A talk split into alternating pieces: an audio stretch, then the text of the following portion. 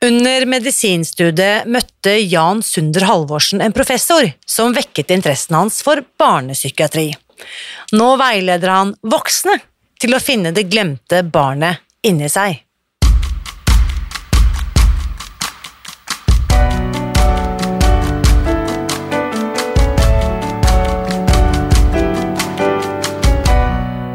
Mitt navn er Irina Lie.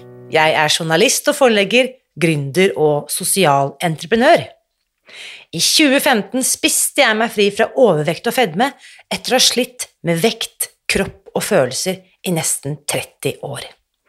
Etter at jeg knakk koden, ga jeg meg selv et nytt oppdrag – å dele denne kunnskapen med alle som trenger det.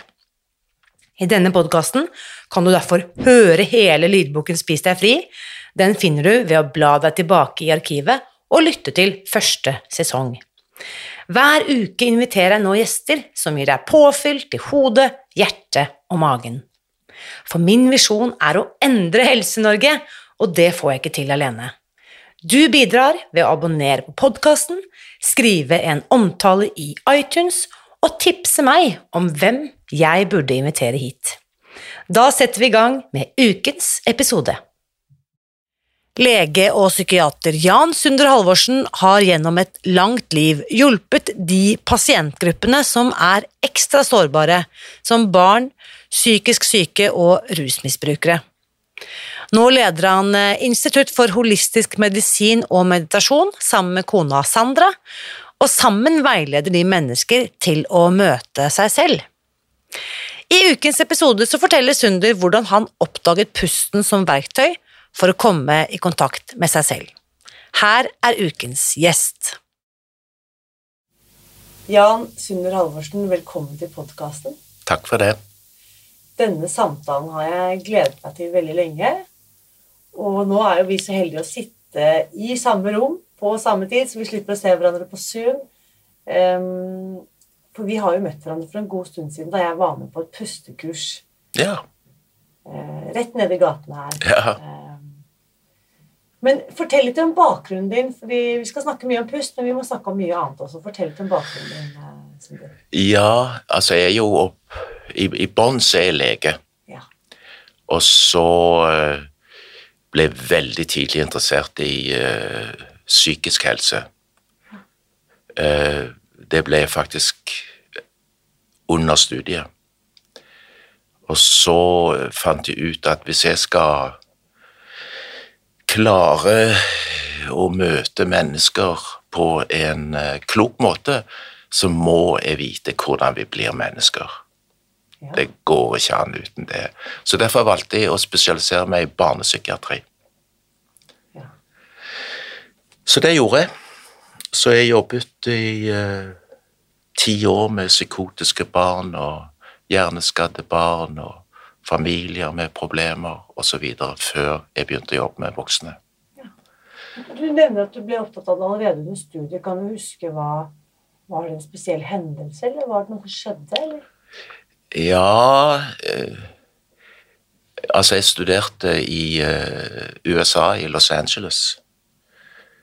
Og så Min psykiatriprofessor var en uh, uvanlig flott kar, altså. Nydelig mann. Han hadde en klinikk for uh, transpersoner og alt det der. Dette er langt tilbake. Dette er langt tilbake, ja. Dette er long way back, ja da. Og der uh, fikk jeg være med i møte med disse og behandlingen av disse. Du vet, LA, alle kom til LA for å bli skuespiller, og der kom jo fargerik uh, glatt med mennesker. Mm. Så jeg tror det var i møte med disse at det er sårbare mennesker, mennesker som strevde, mennesker som ville noe samtidig ikke klarte å få det til, osv. Så, videre. så det var fascinerende. Ja. Det var det. Og hadde du forut for legestudiet, hadde du noe kjennskap til psykiatrien? Visste du hva psykiatrien holdt på med? Ante ikke i det hele tatt. Ingen idé. Nei, for jeg tenker nå at Det er vel ikke så mange som har noen idé om det, foruten hvis ikke de har vært i kontakt med det selv? Vel, øh, det, var egentlig så var det først seinere at jeg skjønte at jeg har nok allikevel vært i kontakt med noe som først ble klart for meg mye seinere i livet. Og det var at jeg hadde en mormor Ja. som døde i kreft da jeg var fem år. Ja. Og henne var jeg i kontakt med daglig fra jeg var tre til fem år. Og det skjønte jeg senere har gjort et dypt inntrykk ja på meg. Den Ja, å følge med henne og Så det har nok, uten at jeg har visst det før jeg ble voksen, hatt en dyp innflytelse på meg. Ja, det er klart det. Det har det. Mm. Så sånn sett. Jeg vil tippe det. Det er rart å nevne. Jeg, jeg mistet jo selv moren min av kreft. Ja. Så fulgte også henne sant, gjennom sykdom og etter hvert av død. Fra, fra 58. Og det er noe med disse barneårene her som er veldig formative, som er veldig Yes. avgjørende. Visste det det. Som setter noen dype spor. Ja. Eh, det er jo et stort tema. fordi at det, Selv om du sier at du jobbet med ti år først med barn, og så senere med voksne, så har vi også Dette skal vi komme selvfølgelig inn på. Voksne barn. Dette er Yes. et begrep vi Ja. veldig mange vet er knyttet til deg. Fordi du er jo en eh, kapasitet. Det er jo veldig mange som både har jobbet med deg og kjenner til arbeidet ditt. Og, så du er på en måte, jeg tenker, en nestor på feltet. ja, i hvert fall har jeg jobbet med det lenge. Det, det har jeg. Mm. Ja. Og du, kan jo si at eh, Altså, barnet i oss er jo ikke noe som er gjemt i bilder og minner. Barnet lever her nå i oss, ikke sant? Og det eh, Akkurat det er det ikke så helt enkelt for mange mennesker å skjønne. For en tror at når en arbeider med barnet i oss, så må vi huske bilder, vi må huske episoder, vi må ta tilbake det som har vært en gang. Så det er jo først eh, hjerneforskningen i de siste kanskje 30-40 årene som har fått oss til å skjønne at det er her akkurat nå. Ja. Ja. Dette er så spennende, for det betyr at en del av meg, da, for å kalle det det, kan reagere egentlig uten at jeg forstår det selv. Men det er egentlig er det barnet i meg som har sitt reaksjonsmønster som på en måte er preget inni meg. Yes. Men det betyr også at jeg kan jobbe og bearbeide, jobbe og bearbeide denne delen uten at jeg trenger nødvendigvis å huske noe fra barndommen. Nettopp. Ja. Det er akkurat det. Og eh, det vi jo òg vet, er at det, det, vi har to typer minner. Ja. Vi har et tidlig minne som absolutt ikke er i bilder, men som er at kroppen husker. ja. Så, så minnet ligger i den Cell- Cellene, nærmest. Ja, omtrent på cellenivå, kan du si. Ja. Så det går ikke an å få bilder. Det får vi først når den venstre hjernen vår blir utvikla. Så får vi bilder av den type minner. Denne type, første typen minner, den som ligger på en måte preget inn i oss, hvor tidlig, fra hvor langt tilbake har vi med oss denne typen minner? Jeg tror nok at eh, Altså, jeg har jo vært med på at folk eh, gjennom pust, eksempel, eh, komme inn i å ha navlesnor rundt halsen. Fødselsøyeblikket. Ja, det har jeg vært med på flere ganger. Ja. Og der vil nok noen mm,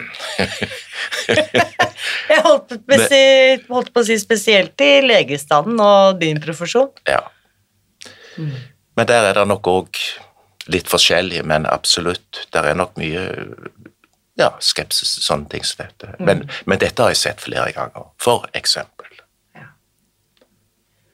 Så eh, finnes det da teknikker hvor jeg kan komme i kontakt med dette cellulære minnet, eller hva jeg skal kalle det?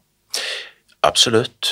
Og der er jo, for meg i hvert fall, så er pust den helt primære metoden. Yes. Den, den, den viktigste metoden til å komme Fordi at du bruker eh, det autonome nervesystemet, den aller eldste hjernen vår, som er 400-500 millioner år gammel.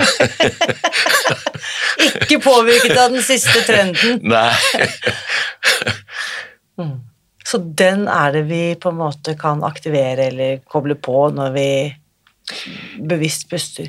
Ja, altså vi, vi har eh, den, den er autonom, ikke sant? Det betyr at den går av seg sjøl. Men så har vi det vi kaller for vinduer inn til den, hvor vi kan koble vår egen bevissthet på og få kontakt med den. Og det største vinduet er pusten, ikke sant? fordi at vi kan, vi kan gripe og ta over kontrollen av pusten. Og da har vi direkte tilgang til autonome nervesystemet. Det skal vi dykke inn i. Fordi bare, uh, apropos dette autonome nervesystemet, det er takket være det at vi overlever, at vi lever hver dag. Yes. Sørger for at hjertet slår, og at uh, hjernen fungerer som den skal, og at vi blunker og puster og gjør alt det vi ikke trenger å tenke på. Da, den, det er det autonome nervesystemet som sørger for. Ja. Men så er det akkurat dette her med pusten som både ikke er viljestyrt, men kan også være viljestyrt. Det er det som gjør den så spesiell. ja. Så vi er jo Det sies jo det at vi kan overleve 30 dager uten vann, tre dager uten mat og tre minutter uten pust. ja. Livsviktig. Det er på en hårbre- hårsbredd. Ja, vi lever på kanten hele tida. Ja, vi gjør det. Ja, ja, når vi begynner å reflektere over akkurat det, hvor, hvor, hvor viktig pusten er, ikke sant? Og, hvor, og så sier den for meg noe og annet, òg, det at altså jeg puster inn luft, og jeg puster ut luft, og på en måte deler jeg den med deg, ikke sant? Jeg vet ikke når du puster inn den luften som er pustet ut, så det sier noe om helhet òg, ikke Yes. sant? Det er veldig spennende. Ikke sant? Ja. Og det er jo en selvutveksling, fordi at det vi puster ut, både CO2-en og mye annet, ja da. det er jo noe jeg også tar opp, selvfølgelig, når jeg puster ut. Ja da. Så eh, jeg oppdaget å puste, jeg kan si det nesten på datoen, altså mars 2020. Ja. Norge stenger ned. Jeg får ikke puste, bokstavelig talt. Og så oppdager jeg en fantastisk pustelærer nede i Barcelona, Lucas Rockwood, som har en sånn eh, 14 dagers puste-challenge eller noe sånt da, på internett. Og så ja, ble internett. Ja, ja, ja. Dette var koronatiden. Dette var under koronatiden. Ja. Og det var som om jeg fysiologisk kjente at sant, med all den uroen og angsten og redselen som bredte seg som et sånt vått teppe over landet, over verden, så kjente jeg det var som om jeg på en måte hadde snevret seg sammen i brystet. ja. Så den puste-challengen som jeg ble med på, bare for min egen del, det gjorde jo til at jeg ble så nysgjerrig at jeg måtte utforske dette mer, og så tok jeg en pusteutdannelse, og så oppdaget jeg Anders Olsson i Sverige, som jeg vet at du også kjenner til. Og så ble jeg instruktør i medveten andning, og så har jeg bare fortsatt og fortsatt, og, og så når jeg fant deg, og det er mange som har snakket så varmt om det arbeidet du har gjort, men så tenkte jeg sånn, jeg, jeg var jo, følte at jeg var tidlig ute, for nå snakker alle om pust. Vi snakker mars 2020, men du, du går jo way back. Du jo Du fortalte meg at du hadde vært med på din første pust- pusteutdannelse i 1984. Ja, det, det var jeg. Ja. Hva, hvordan kom du inn på dette? Hva var det? Nei, da drev vi med Da jobbet jeg i England, du, på en eh, eh, sånn litt En helseinstitusjon i England, og der eh, var det en pusteterapeut som som fikk tak i meg og sa at hun har lyst til at jeg skal være, assistere henne i pust, og det var nok fordi jeg var lege, tenker jeg. Ja. Så eh, da ble jeg med henne, med pustegrupper og eh, Ja, da fikk jeg en, en Ikke en helt formell, men jeg, jeg lærte jo masse av henne. Så, så siden da så har jeg drevet med pust. ja. Kunne du si litt om hvordan Um, hvilken, eh, Det finnes jo så mange skoler og retninger, men hvordan var det du selv på en måte nærmet deg pusten da du begynte med dette og oppdaget dette i 84? Ja, mm.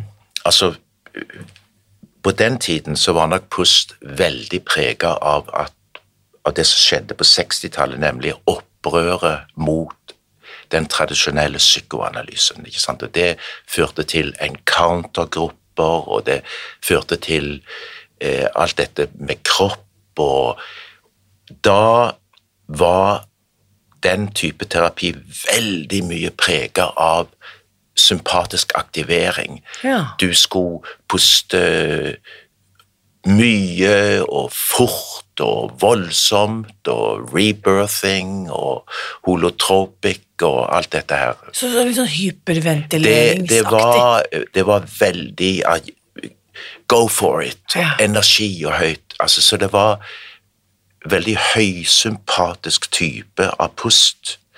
og hvor det jo gjennom det så aktiverte det mye. Det Ja. aktiverte mye følelser. Du skreik, og du du, ja, det, det, var mye, det, var mye, det var mye aktivitet. Så det er klart Og, og det var jo utrolig mye en, en kunne observere som skjedde med folk. Og, og det, det, det var lett å bli lurt og tro at det skjedde noe viktig òg i det. Ja, fordi det var så voldsomt, Fordi eller? det var så voldsomt. Ja. Ja, det, det var, du, ble så imponert over det du som terapeut var i stand til å sette i gang i folk. ikke sant?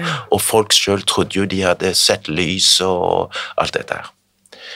Men så, så reisen videre, den har egentlig vært om å tone ned og tone ned og tone ned og tone ned. Roligere og langsommere og roligere og langsommere. Så i dag så er det en veldig rolig, myk tilnærming for det parasympatiske systemet Det er som i roer ned, altså Ja. rest and digest. Ja. Fordi når du driver på sympatisk, så kan du nok gjøre mye oppi der, men det du egentlig trenger å gjøre noe med, det forblir der skjult allikevel. Nettopp. Skammen og ensomheten og mistilliten og alt dette som er i det jeg kaller for skamrommet, Ja. det rører du ikke ved når du jobber Nettopp. høyenergetisk. Ja, så dette høyenergetiske, det sympati, å aktivere dette sympatiske nervesystemet som du refererer til, det er jo det som mange kjenner til som fight or flight, Yes. kjempe eller flykt, som gjør at vi på en måte blodet rusher ut til eh, ekstremiteten av armer og bein, du er klar til å slåss, men du tenker kanskje ikke så veldig klart. Altså det blir litt sånn tunnelsyn. Eh, Du, du kjemper for livet, på en måte. I fight and flight så kan du ikke tenke. Du kan ikke tenke, det er Nei. ikke tid til å tenke. Nei. Her må du reagere instinktivt. Ja. ja. Men interessant for at det, veldig mange også, kanskje de som har hørt om litt pustegreier, de kjenner til Wim Hof-pustingen. Ja. Og den er jo også mer i retning av det sympatiske. Den Aktiv- er sympatisk. Ja, ikke sant? Som aktiverer. Og jeg hadde en lang samtale med Anders Olsen om dette her, og han mente at det, fordi at vi er så, har så høyt adrenalinnivå i hverdagen vår, og at livet vårt er så hektisk, at det å liksom aktivere den sympatiske eh, det sympatiske nervesystemet appellerer til oss, som er så liksom Vi vil ha resultater, vi vil være effektive, vi vil liksom se fremgang, men selv om det kanskje ikke er det vi trenger. Ja, ja altså akkurat det fenomenet der er interessant. Altså det eh, Wim Hof-metoden er jo egentlig en gammel tibetansk pustemetode Ja. i, i utgangspunktet. Og i det som en kaller for fire breathing. Og i fire breathing er det to forskjellige retninger. Ja. Der er det fire breathing som uh, den tibetanske lamaen Yeshi uh, røpet på slutten av 60-tallet, så hadde det vært hemmelig i tibetanske klostre i hundrevis av år. Den fire breathing-metoden, den er parasympatisk. ja. Ja. Sånn at eh, Og den har Han ga til og med ut en bok om den. Så, så den, den ene firebreathing-metoden, den er parasympatisk. Mens den andre er sympatisk.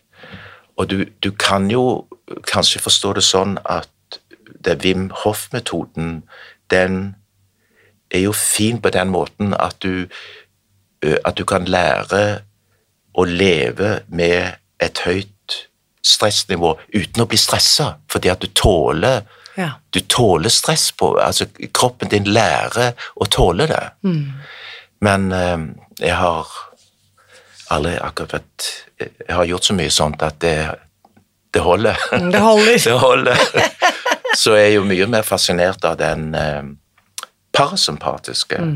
Og den Det er den uh, Herbert Benson på Harvard i sin tid brukte da han reiste til uh, til Dalai Lama på tidlig 80-tall og fikk lov av Dalai Lama til å undersøke hva som skjedde med disse munkene når de pustet med den parasympatiske Wow. metoden. Og det ble i sin tid til det som heter uh, the relaxation response. Nettopp. Og der undersøkte han både pustingen til lamaene og bruken av uh, visuell, altså bilder, og hvordan de kunne øke kroppstemperaturen sin med opptil opp til 17 grader celsius, tror jeg. Så disse som sitter med lakenene som uh, ja. i kuldegrader. Yes. Så det viser jo uh, hvilken kraft er mm. i Altså hva du får tilgang til mm. når, du, når, du, puster, pluss at du må bruke disse bildene, disse visuelle bildene. Ja. Uten bildene, fant han ut, så er det ingen forandring. Det er kun wow. økt kroppstemperatur hvis du visualiserer. Det er jo helt utrolig fascinerende. Ja. Mm. Og så er det 40 år siden, og det er jo nesten ikke kjent. ikke sant? Jo, men det er det, altså, Da blir jeg helt, da har jeg bare lyst til å rive av meg håret. for at det, sant, Du som også på en måte da, i dag får representere legestanden, hvordan kan det være seg at dette er kunnskap som har vært En ting er at det har vært kjent i hundrevis av år, men det har vært lukket i miljøer, så det, kanskje, det er en del av forklaringen. Når dette kommer ut i allmennheten, og det går 10 og 20 og 30 og til og med 40 år uten at denne kunnskapen tas inn i f.eks. legestudiet, hvorfor denne motstanden? Hva skjer? Hvorfor er det sånn? Ja, det, det er et godt spørsmål, Irina. Det, det sier jo noe om uh, at det er ganske konservativt. For Herbert Benson, han det er ikke lenge siden han døde. Han var jo professor på Harvard. Ja, det er ikke noe tøyseinstitusjon, det, liksom. Og hadde sitt egen institutt der. Og der er publisert, tror jeg, et par tusen forskningsartikler om denne metoden, og den funker på høyt blodtrykk. Den funker på en rekke med ganske alvorlige lidelser, så du kan bruke den til Så det, det er jo for du, du, kan jo bare være forundra, egentlig, ikke mm. sant? Endelig. Ja, det er det. Og den er lett å lære. Ja, ikke sant. Men går det an å, går det an å Kunne du gitt oss en liten sånn eh, komprimert innføring i denne eh, For å aktivere denne relaxation response? Eh, jeg tror ikke jeg klarer det sånn offhand, men det er jo sånn enkelt at du at du bare sitter og slapper av, og så finner du et slags mantra som du velger sjøl, så du kombinerer da Eh, det å ligge avspent og, og, bare si det Så i løpet av kort tid så, så, så får du tak i det. Han, mm. han ligger ute på YouTube yes. med instruksjoner, Herbert Benson sjøl. Det er et uh, vidunderlig intervju med han i bokhandel på Harvard. Så, så, jeg mener, det er så tilgjengelig, yes. dette her. Og, og, da, Jeg vil også tipse folk om at de kan jo også google på ditt navn, og da vil de også finne både YouTube-forelesninger og andre ting. Ja, den, den eh, ene om Pustia. Mm. De finner nok ikke Herbert Benson sin adresse, det finner de på YouTube. Men jeg tenkte på din eh, Ja, på den ditt, som jeg har spilt inn, ja. Ditt foredrag også. Det ligger der, ja. Mm, ja det, interessant. det gjør det. Så fortell litt mer om For at du nevnte at du hadde jo jobbet med barnepsykiatri, men også jobbet med voksne i veldig mange år. Og jeg vet, vet også at du og kona di har jo også jobbet innen rusomsorgen ja. i mange år. Kunne du ikke fortelle litt om det arbeidet også? For dette er jo tett forbundet med mye av det vi snakker om her til vanligvis, med, i forhold til avhengighet og hva skal vi si, tankebesettelser. Ja, jo, vi Sandra og jeg jobbet faktisk i 25 år med rus, og den institusjonen, Valdresklinikken, ble en del av spesialisthelsetjenesten i 2002, tror jeg det var. Så da jobbet vi helt til ut 21 med det, som jeg nettopp avslutta det arbeidet. Ja, frem til slutten av i fjor. Ja. Mm. Og det Jeg hadde jobbet med rus før, jeg, men jeg var kommet til et punkt hvor jeg ikke orket å jobbe med det før. og Det var først da jeg begynte å jobbe med det igjen, at jeg skjønte hvorfor jeg ikke hadde orket å jobbe med det. Ja. Og det er fordi at eh, når du møter mennesker med et rusproblem, så møter du Ja, du møter rusproblemet, det møter du men du møter òg det som ligger under rusproblemet. Mm. Ja. Og det er egentlig det som er det sterkeste møtet, mm. fordi at eh, det går nesten an å si det så tydelig at de aller fleste som har et rusproblem, har et underliggende traume, et tidlig, en tidlig traumetilstand. Jeg, jeg, jeg tror knapt nok Selvfølgelig ikke alle, det er ikke så, men nesten alle har det. Så rusproblemet er jo bare en måte å døyve smerten som er i kontakten med den traumetilstanden. Og det er jo det som gjør at det er så utfordrende å jobbe med rus, fordi at det, det er ikke så vanskelig å bli rusfri for de fleste. Nei. Men når de blir rusfrie, så, så kommer traumetilstanden fram. Så kommer frykten fram, så kommer mistilliten fram. Mm. Og så kommer ensomheten fram. Og så kommer hvor meningsløst livet er fram. Og hvor, hvor, hvor, hvor redd en er for mennesker og relasjoner, ikke sant. Og, så, så jeg må jo si at det, det er noe av det fineste jeg har arbeidet med, det er Ja. faktisk ruspasienter. Fordi Ja. at hvis de får tid på seg, hvis de får en følelse av at de eh, blir sett, at du bryr deg, så er det ubrukte ressurser der som begynner å, å komme fram, og, og, og, og se den gleden og den når, når, når de begynner å få bokse. De har jo aldri fått bokse sjøl. Mm. De har jo aldri fått kontakt. De, så, så det, det er bare rørende. Men da nytter det ikke å eh, å si at eh, vi eh, skal fikse det på en måned eller seks uker. Du må ha et helt annet tidsperspektiv på det hvis det skal ha noe nytte for de aller fleste. Så det vi gjorde, gikk jo stort sett over eh, eh, etter to år, altså. Ikke sant? Ja, du, du er nødt til å ha det tidsperspektivet. eh, vi hadde eh, forrige uke i podkasten også besøk av en psykiater, faktisk, og da snakket vi litt om ACE. Ikke sant? ACE-studien. Ja, og, yes. og jeg vet ikke hvor langt tilbake det er, siden den ble utført, men det er sikkert en 98. 98, ikke Ja, sant? mm. Adverse Childhood Experiences. Ja. Og det er mange som i senere har fått bekreftet dette, sånn som du akkurat er inne på her, at vi må anta at alle som sliter med et rusproblem, sannsynligvis har med seg ganske mye bagasje fra barndom. Ja. Um, nå vet jeg at det ikke nødvendigvis er fokus på Valdresklinikken, men hva tenker du om matavhengighet, Sinder? Synder? Nei, jeg tenker det har veldig mye samme røtter, det òg. Ja, Ja, det, det har det. ikke sant? Det vet vi jo på en måte, for det vi ofte så når folk eh, var kvitt f.eks. alkohol eller andre ting, så, så kom det jo andre avhengigheter dukket opp, og da var ofte mat en avhengighet Ja. som dukka opp. Mat, spill, da, ba, ba. Ja, så visst. Yes, og det ser vi jo også det motsatte av når, når pasienter blir slankeoperert og ikke har muligheten til å døyve med mat lenger, så tyr de ofte til piller, alkohol, Ja visst. andre ting. Ja.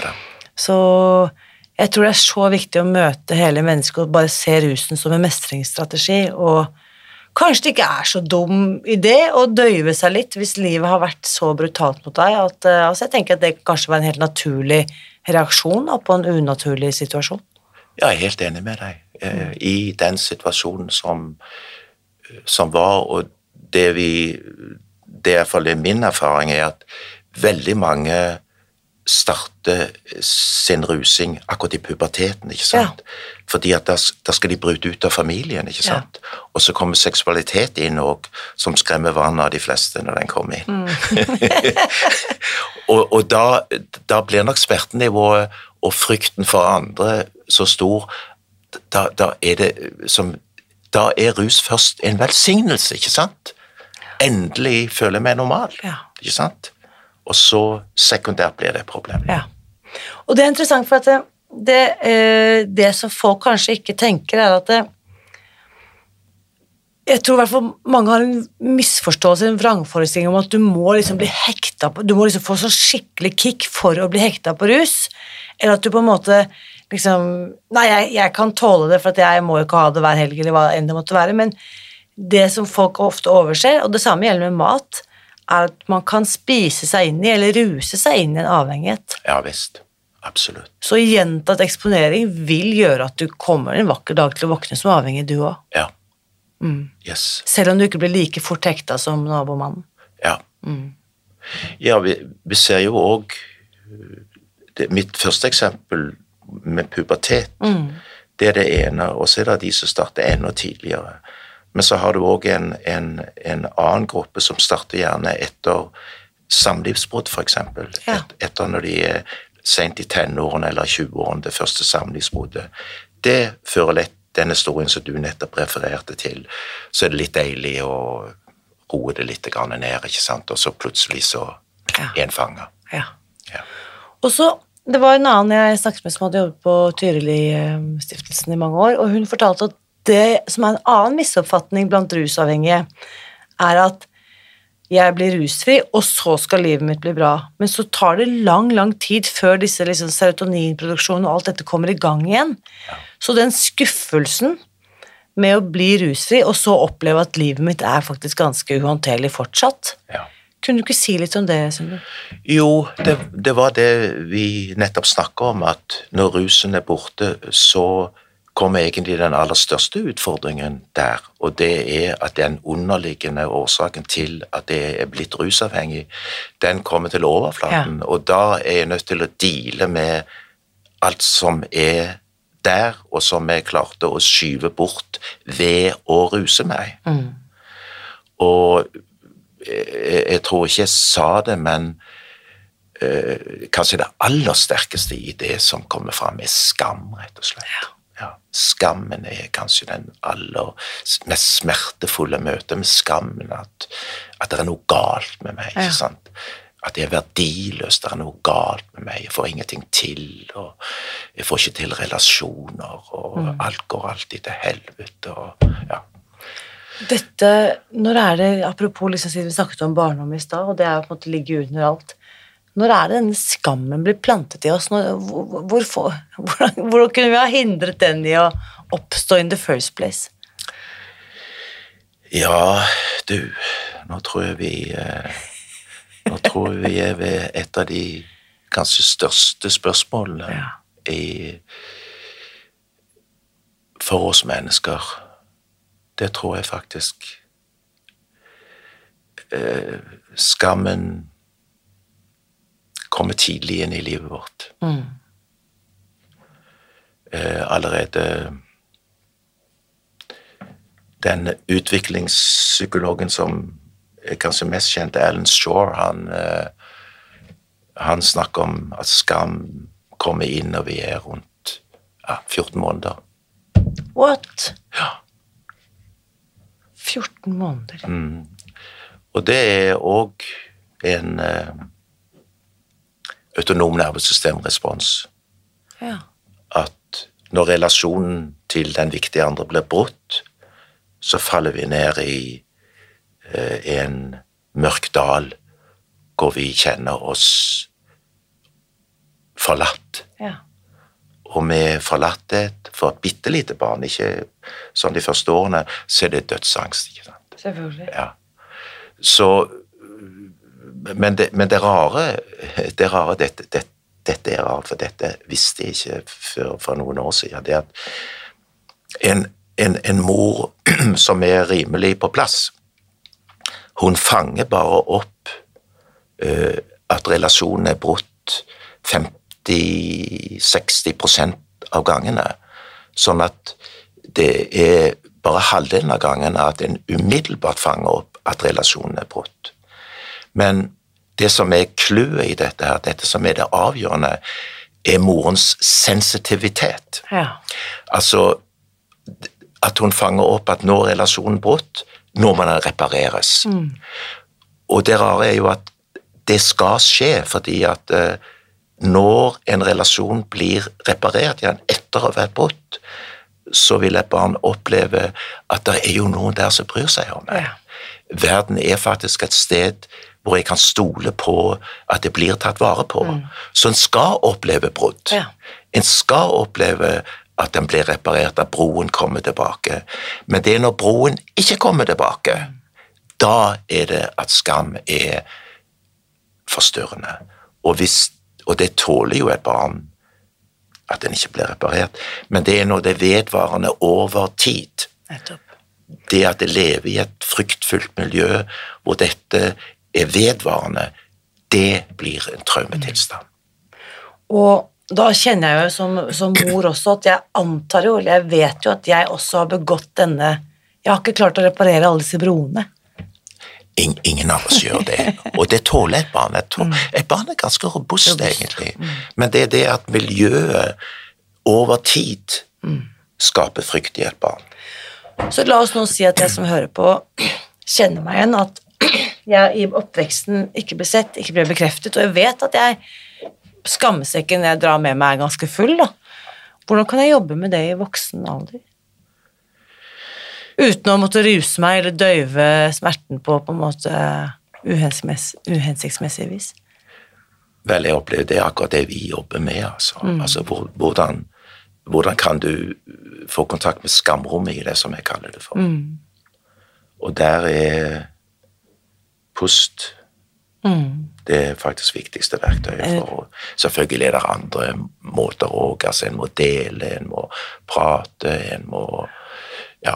Men, men det å komme, komme nær det og komme, få kontakt med det, så er pust en, eh, en, en metodisk veldig god.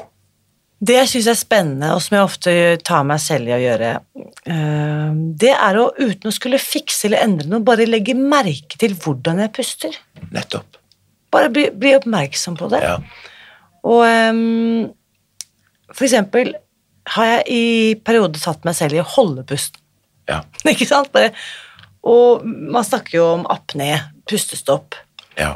Eh, altså, det er jo noen som kjenner kanskje dette til fra søvnapné, og det kan være mange årsaker til det, men bare ta deg selv i for eksempel neste gang du skal gjøre en oppgave som krever litt konsentrasjon. Om du så skal liksom tre en tråd gjennom et bitte lite nåløye på en uh, synål, ikke sant. At du da kanskje tar deg selv i å holde pusten Yep, nettopp. som sånn konsentrasjon. Ja. Uh, og dette er jo også blitt at når man i farten bare skal svare på en mail på mobilen, man skal bare fikse, så snakker man nå om noe som heter mobilapné. ja. At man bare Og eh, stressa, tar opp mobilen, skal bare eh, Fort, fort, fort, fort. fort. Og så bare legge merke til det, fordi det, det er jo første skritt på vei til endring, at jeg blir oppmerksom på det. Absolutt. Og derfor uh, starter ikke vi med å lære folk postøvelser. Nei. Absolutt ikke. Vi gjør akkurat sånn som du sier. Først må du bli kjent med din egen pust. Hvordan du puster. Det er det første. Og legge merke til akkurat sånn som du sier. For det å holde pusten, det er å kontrollere frykt.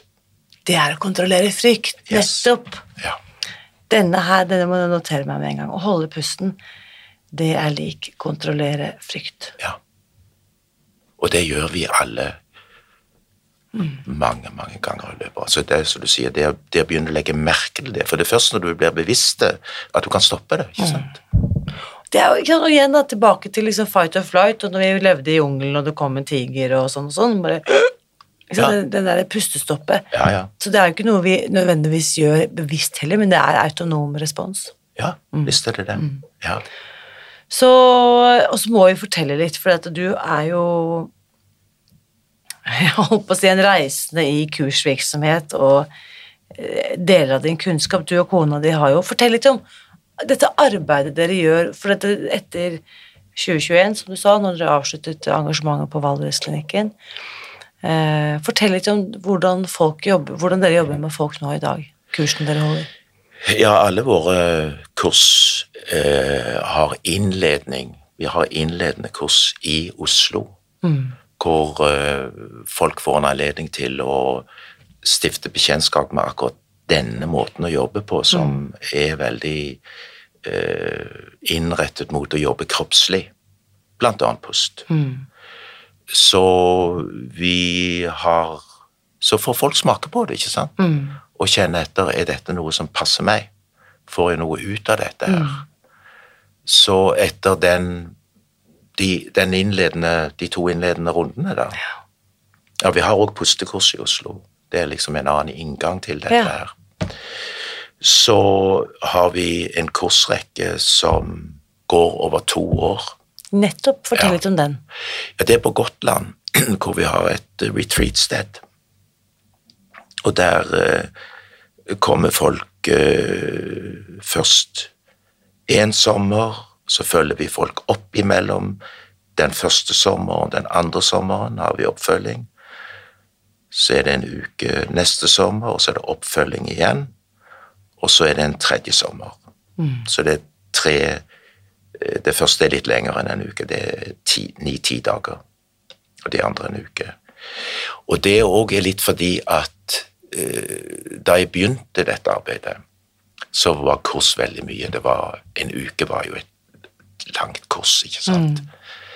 Men, men det vi oppdaga etter en stund, var jo at eh, det er fint og flott, det, folk kan få masse ut av det, men, men sinnet vårt er jo laga sånn at selv om du kan i løpet av en uke få en ganske stor ekspansjon, liksom, du kan få kontakt med mye i deg sjøl, du kan se mye, osv., så, videre, så vil der allikevel vil de fleste oppleve en kontraksjon, en sammentrekning etter en stund. Og det er sånn sinnet vårt er.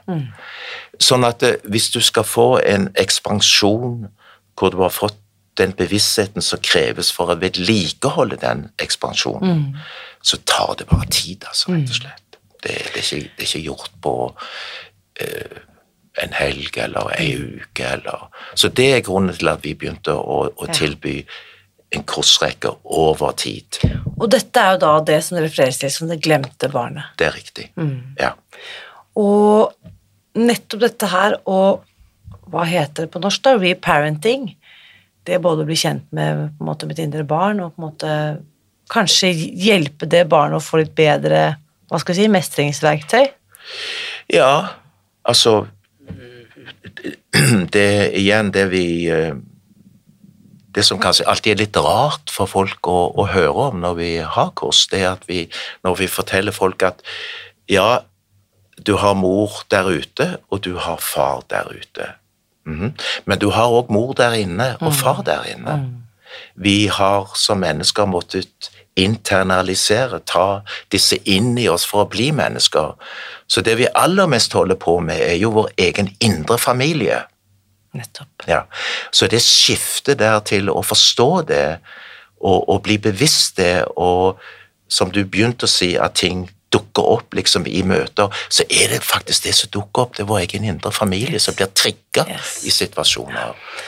Og dette er så spennende, fordi jeg vet ikke om vi rakk å snakke om det sist vi møttes, men eh, her på forsommeren så ga jo vi ut en bok som heter Restart, Ja. som er en uh, oversettelse da, fra en amerikansk bok som nettopp handler om internal family systems. Ah, ja, jeg kjenner Skrevet av, uh, altså Metoden er jo utviklet av Richard Schwartz, ikke sant? Ja, ja. Så dette fant jeg ut faktisk var den første boken som er blitt gitt ut om IFS på norsk. Er det det? Ja.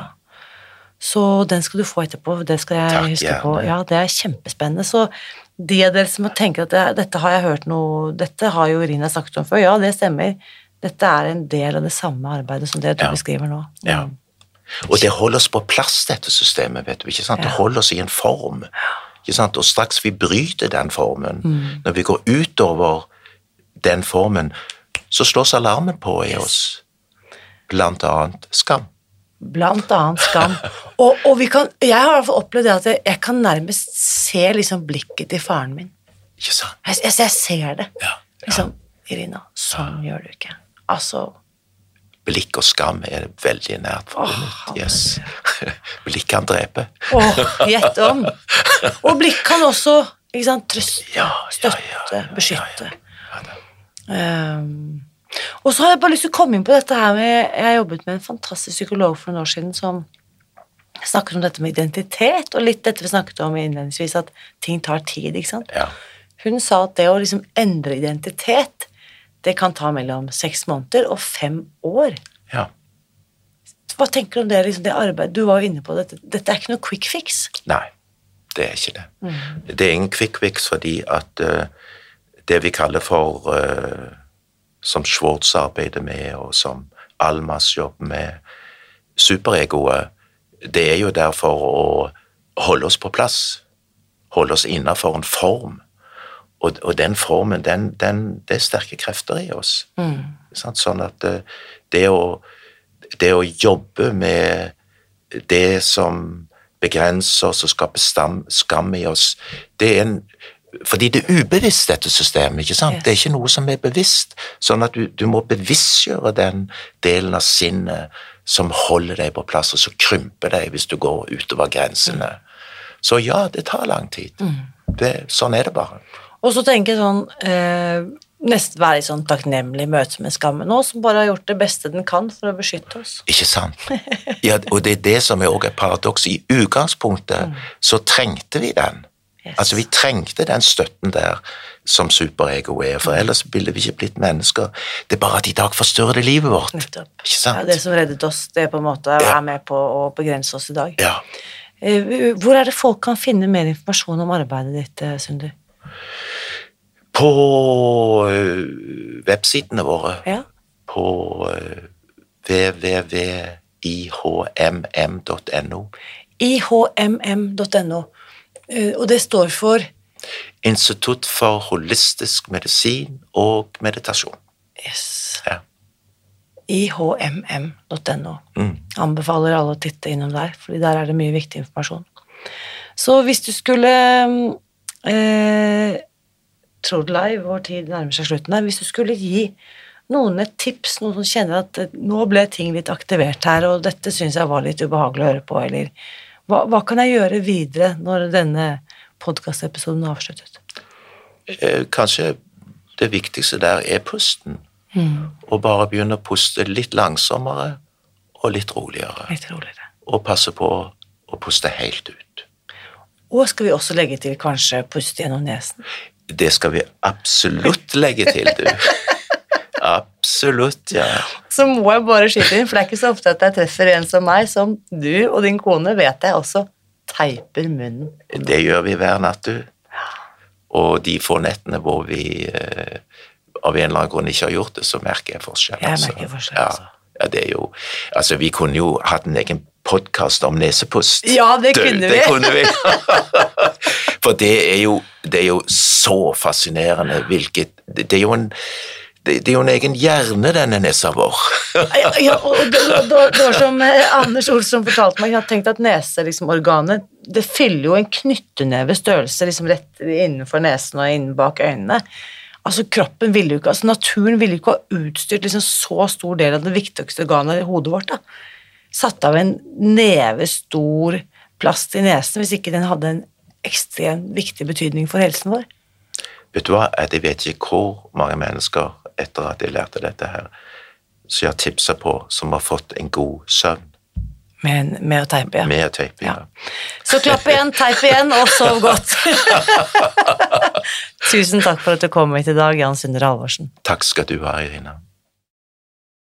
Nå lurer jeg på, hva tenker du etter å ha hørt min samtale med Jan Sunder Halvorsen i dag? Samtalen den fortsetter som vanlig i Facebook-gruppen Spis deg fri, så bli gjerne med over dit og del dine refleksjoner og takeaways. Og hva vet jeg, kanskje du ble inspirert til å prøve å teipe igjen munnen når du legger deg i kveld? Det kan jeg i hvert fall anbefale på det varmeste. Og hvis du nå har lyst til å lære mer om pust, så vil jeg minne om at eh, min gode venn og pustementor Anders Olsson arrangerer en kjempespennende konferanse om nettopp pust i Stockholm eh, nå til eh, uken fra 14. til 16. september. Det kan du lese mer om ved å gå til spisdegfri.no pust. Til denne konferansen så kommer noen av verdens fremste pusteeksperter for å dele sin kunnskap med deg. Og jeg er invitert til å være konferansier, og hvis du er det minste nysgjerrig på pust, eller ønsker å lære deg enkle og effektive teknikker for å forbedre dine pustevaner, så vil jeg på det varmeste anbefale deg at du blir med. Da kan du gå til spisdegfri.no pust, lese mer og melde deg på. Og så vil jeg bare legge til at det kreves ingen forkunnskaper for å delta. Det eneste som kreves vel, er vel at du puster. Og sist jeg snakket med Anders, så var det registrert deltakere fra elleve land, deriblant flere fra Norge, så dette er en unik mulighet for deg til å fordype deg i din egen helse. Og konferansen den finner altså sted i Stockholm nå om noen få dager, dvs. Si 14.-16. september 2022. Så her er det egentlig bare å klikke seg over til spisdegfri.no pust og bli med.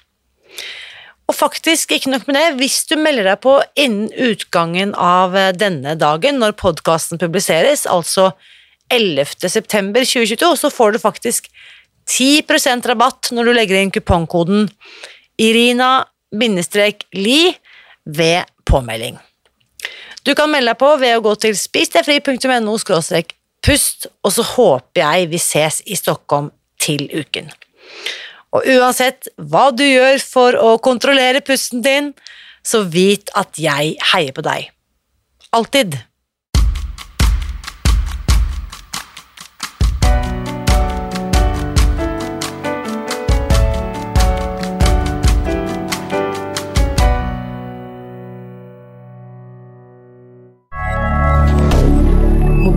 Canada.